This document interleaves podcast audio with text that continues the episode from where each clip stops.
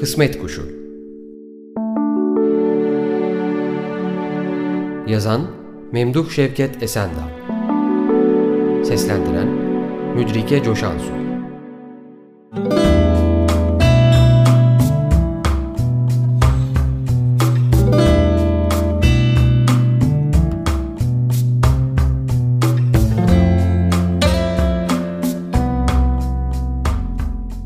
Hayri Elisli gibi mühendis olup yahut başka bir işe tutunup çalışmaya başlamış genç bir adamın çalıştığı yerden yıllık iznini alarak anasının, babasının yanında bağlar, bahçeler, bostanlar içinde, deniz kıyılarında, gölgeli ağaçlıklarda arkadaşları, hısım kızları, komşu kızları arasında hele biraz da yakışıklı, sevimli bir delikanlı olursa güler yüzler görerek, tatlı sözler işiterek yaşaması ne hoştur. Kuru ağaçlar bile adamın gözüne bahar çiçekleriyle bezenmiş görünürler. Yalnız bu sayılı günler tez geçer. Günün birinde sevgililerden ayrılıp hasretlerini gönülde taşıyarak işe dönüş vardır. Eli iş tutmuş, yumuşak başlı bir delikanlının ateşlenmeyip bir nişan yüzüğü bırakmadan izin günlerini bitirip gitmesi, kızlardan çok kız analarını, dayılarını, teyzelerini üzer, meraklandırır. Yemeklere çağırmışlardır. Gezmeler hazırlamışlardır.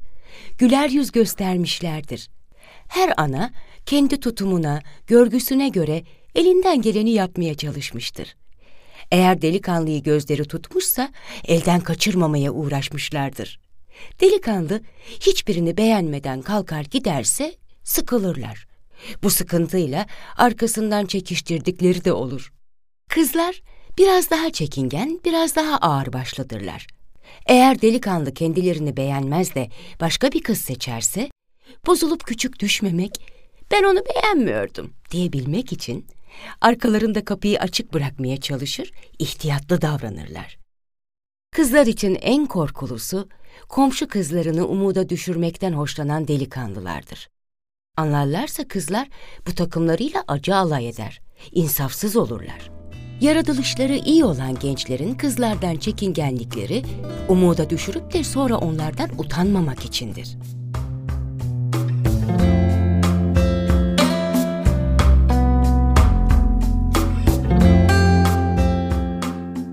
Hayri alışverişle geçinen, biraz da çiftçiliği olan Sıtkı Elisli adında birinin oğluydu. Dokuz kardeşi vardı. Bunların beşi de kızdı. İş sahibi olup da evlenmeyi düşününce ilk tasarladığı babasına yük olmamaktı. Bunun için de şimdilik kazandığı parayla evlenmeye kalkmayarak beklemek, biraz da para biriktirmek yolunu tuttu. Anasıyla babası oğullarını evlendirmek düşüncesindeydiler. Onların Hayri'yi evlendirmek istediklerini bütün komşular, bütün tanıdıkları biliyorlardı. Bunun için Hayri izinli gelince kızları olanlar ona güvey gözüyle baktılar. Hayri de artık o mektep çocuğu değil, erkekleşmiş, güzelleşmiş, tam evlenmek çağlarında bir adam. İşi ona göre tuttular.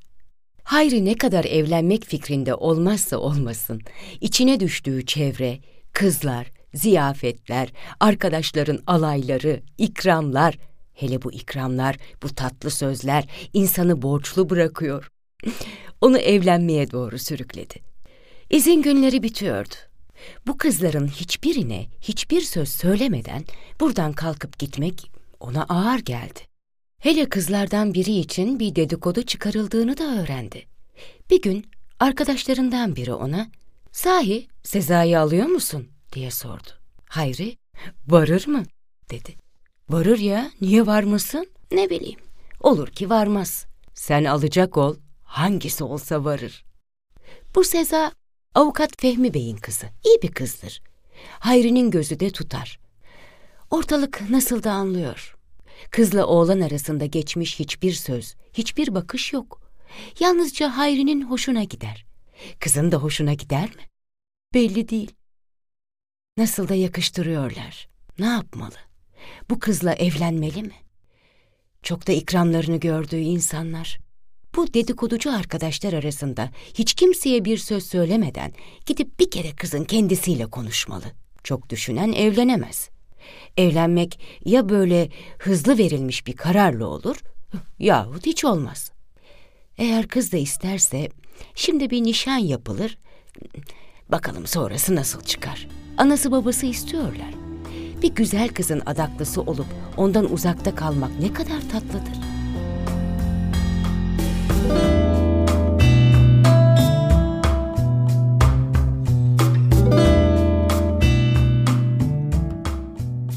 Hayri bir sabah kızın evine gitti. Kızı yalnız bulursa açılacak, bulamazsa yalnızca konuşmak için bir gün kararlaştıracak. Bahçeye girdi. Evin kapısına doğru giderken bahçıvan arkasından yetişti. Küçük hanım bahçede dedi. Hayri'nin küçük hanımı görmek istediğini bu adam nereden biliyor? Demek herkesin az çok bir duygusu var. Öyle ya. Bu evde de bahçıvan, aşçı, hizmetçi aralarında oturup konuşuyorlardır. Yakıştırıyorlardır. Seza Hanım aralık kapıdan büyük bahçeye gitmiş. O yana gidince Seza da dönüyormuş. Karşılaştılar. Hayri'yi görünce Seza'nın yüreği oynadı. Rengi biraz solar gibi oldu. Yakında gideceği için belki vedaya gelmiştir diye düşündü. Ne olursa olsun ayrılık acıdır. Bir daha görüşünceye kadar kim bilir neler olur. Eğer böyle ayrılık için gelmişse elbette annesini de görecektir. Seza da onu yemeğe alıkoyacak. Bunlar hatırından geçti. Hayri ne söyleyeceğini, söze nasıl başlayacağını önceden düşünmüş, kararlaştırmış değil. Seza'yı görünce, "E, iyi oldu dedi. Ben de sizinle yalnız konuşmak istiyordum.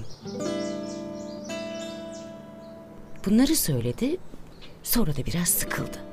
Yol kıyısına eski kapı tahtalarından yapılmış bir sıra üstüne oturdular.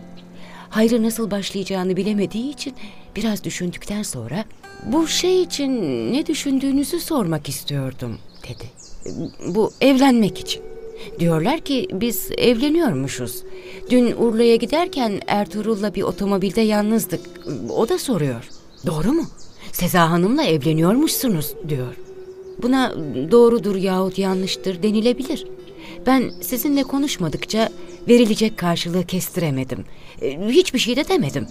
Yalnız kimden işittiğini sordum. Yengeniz söylemiş. Başkaları da söylüyorlar. Biz hiçbir şey konuşmadık. Hayri sustu. Seza kayıtsızca Son günlerde bize sıkça gelip gittiniz, ondan yakıştırmışlardır, dedi. Evet, ben sizin ne düşündüğünüzü öğrenmek istiyordum. Bana kalırsa doğruyu söylemeli, böyle bir şey yoktur demeli. Hayri ummadığı bir söz işitmiş gibi biraz durakladı, sonra evet dedi. "E, Ben bunu kestirememiştim de. Niçin? Siz başka türlü mü düşünüyorsunuz? Yo, ben de tıpkı sizin düşündüğünüz gibi düşünüyorum. Sizden de sormak istedim. Bizde uydururlar. Olmamışı olmuş gibi söylerler. Evet. Bu dedikoduları önlemek için e, sözü kısa kesmeli. Bu sözleri söylerken Seza, ben ne yapıyorum, neler söylüyorum diye düşündü. Sonra yeniden, "E, siz bilmem böyle mi düşünüyorsunuz diye sordu. Hayri, ben de sizin gibi düşünürüm dedi. Söz bitti. İkisi de söyleyecek yeni bir söz bulamadılar. Hayri çok kısa süren bu görüşmeden sonra Seza ile baş başa kalmaktan sıkıldı. Bana izin verir misiniz diye ayağa kalktı. Niçin? Yemeğe kalmaz mısınız? Annemi görmeyecek misiniz? diye Seza onu alıkoymak ister gibi davrandıysa da Hayri yok. Ben sizinle bu kadarcık konuşmaya gelmiştim. Evde misafirimiz olacak. Kapıya doğru yürüdüler. Seza yüreğinde bir sıkıntı, bir, bir fenalık duydu. Durunuz, bu söz burada bitemez. Yahut yarın gene geliniz, e, ben düşüneyim diyebilirdi, diyemedi. Yalnız ben size yanlış bir şey söylemedim ya diye sordu. Hayri, bilmem dedi. Ne yanlış olabilir ki? Bilmem, siz erkekler tuhafsınız, e, tez darılırsınız da. Bu sözlerle ne demek istediğini belki Seza kendisi de anlamadı. Hayri sesini çıkarmadı. Yalnız niçin darılayım demek ister gibi gülümsedi. Seza elini uzatmasaydı Hayri başıyla selamlayıp gidecekti. Seza kapının önüne kadar çıkmıştı. Hayri gitti, o da arkasından köşeyi dönünceye kadar baktı kaldı.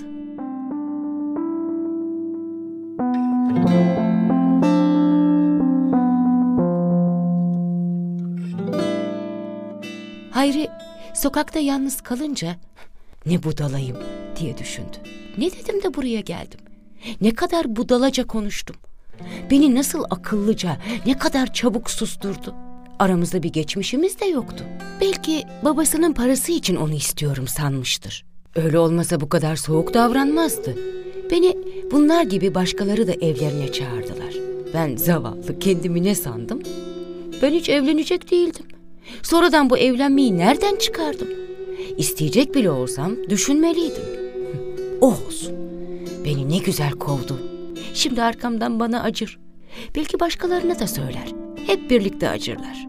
Yeridir yeridir acısınlar. Bana uspası olsun.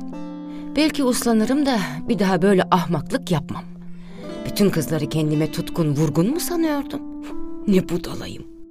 Hayri gittikten sonra Seza bahçeye girip kapıyı kapayınca durdu. Ne oldu? diye kendi kendisinden sordu. Beni almak istiyormuş. Ben onun Bedriye'yi alacağını sanıyordum. O da beni beğeniyormuş. Hiç belli etmiyordu. E şimdi ne olacak? Bir şey olmayacak. O geçti. Deli olmak işten değil. Koşup arkasından çevirip getirmeli mi? Ay ne yapmalı? Birdenbire şaşkın bir duruma düştü. Hatırına ilk gelen işi gidip anasına anlatmaktı. Belki bir kolayını bulurlar. Bu düşünceyle eve girdiyse de anasının odasına gidecek yerde kendi odasına gidip kapandı. Biraz sonra eve Hayri'nin geldiğini, Seza ile 5-10 dakika konuşup gittiğini, Seza'nın onu kapıya kadar geçirdiğini, sonra dönüp odasına kapandığını öğrenen anası ne olduğunu anlamak için Seza'nın odasına girdi. Seza, yatağının üstüne yüzü koyun yatmış, uyumuş gibi duruyordu. Kadın yatağa yaklaştı, kızının saçlarını eliyle açıp yüzünü görmek istedi. Seza ağladığını göstermemek için başını çevirdi. Kadın sanıyordu ki Hayri bunu seviyor, e, bunun da oğlanda gönlü var. Şimdi de oğlan gidiyor. Bu da oğlanın gidişine dayanamıyor. Gençlik değil mi? Ağlıyor. Kadın, hadi kalk yüzünü gözünü yıka, yemek yiyeceğiz, dedi. Seza yüzünü yastıklara gömerek hıçkıra hıçkıra ağlamaya başlayınca anası belki Hayri ile aralarında bir anlaşmazlık oldu diye düşündü. Kızının saçlarını yeniden açarak hmm, söyle bakayım ne oldu diye sordu. Sonra kızının istese bile anlatacak durumda olmadığını düşünerek hadi ben gidiyorum. Yüzünü yıka da gel. Baban şimdi gelir dedi. Sezai'yi yalnız bıraktı. Kız yatağında yatıyor. Nasıl olup da boş bulunduğunu, Hayriye hiç de istemediği sözler söylediğini düşünüyordu. Kolejde arkadaşı olan kızlardan biri, kardeşinin eski paltosunu sökerken elini derince kesmişti. Seza, kıza elini nasıl olup da kestiğini soruyordu. Kız, elimi keserken ben orada yoktum, dedi. Seza, o nasıl söz öyle, dedi. Dalgın mıydın? Hiç dalgın değildim. Bıçak mı kaçtı? Yo, bıçak da kaçmadı. Öyle baka baka şimdi parmağımı keseceğim diye diye kestim. Aa, Kevser alay etme. Vallahi alay değil. Öyle baka baka kestim. Artık sen anla. Kimseleri inandıramıyorum. Hayri ile konuşurken Seza da orada yoktu. Sanki Hayri başka bir kızı istiyormuş gibi. Şimdi Kevser'i anlıyor. Keşke ben de parmağımı kesmiş olsaydım diye düşündü. Ertesi gün yengesi ona, ''Ee kuzum, niye böyle söyledin?'' deyince ona da bu sözleri söyledi. İster inanın ister inanmayın o sözleri söylerken ben orada yoktum dedi.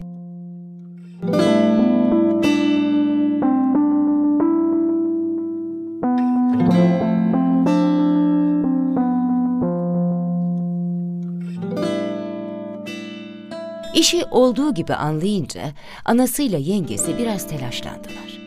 Yengesi gidip geldi. Seza'nın anasıyla konuştular.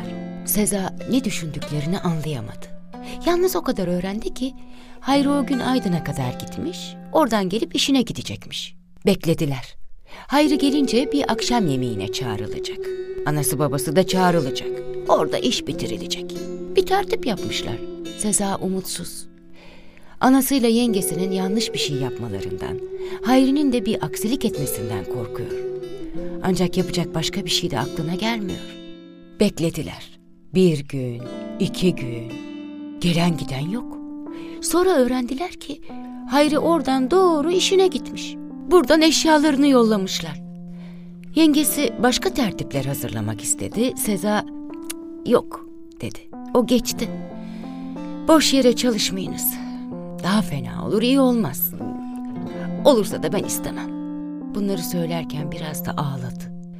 Bir başka gün çok sevdiği arkadaşlarından biri olan Nergis'le konuşurken Hayri'ye bir mektup yazmayı düşündüler. İlkin uzun bir mektup. Bu mektupta her şeyi olduğu gibi anlatacaklar. Bir masaya ikisi karşılıklı oturup bir iki kağıt hazırladılar. Okudular. Hmm, ikisi de beğenmedi. Seza dedi ki, bu işi burada bilmeyen kalmadı. Hayriye bunu yazmamış olduklarını sanmam. İlkin Besime yazmıştır. Hayri'nin kız kardeşlerinin en büyüğü. Beni de sever. Bunları öğrenince Hayri isteseydi kendi bir mektup yazardı. Biz ne diye ona mektup yazacağız?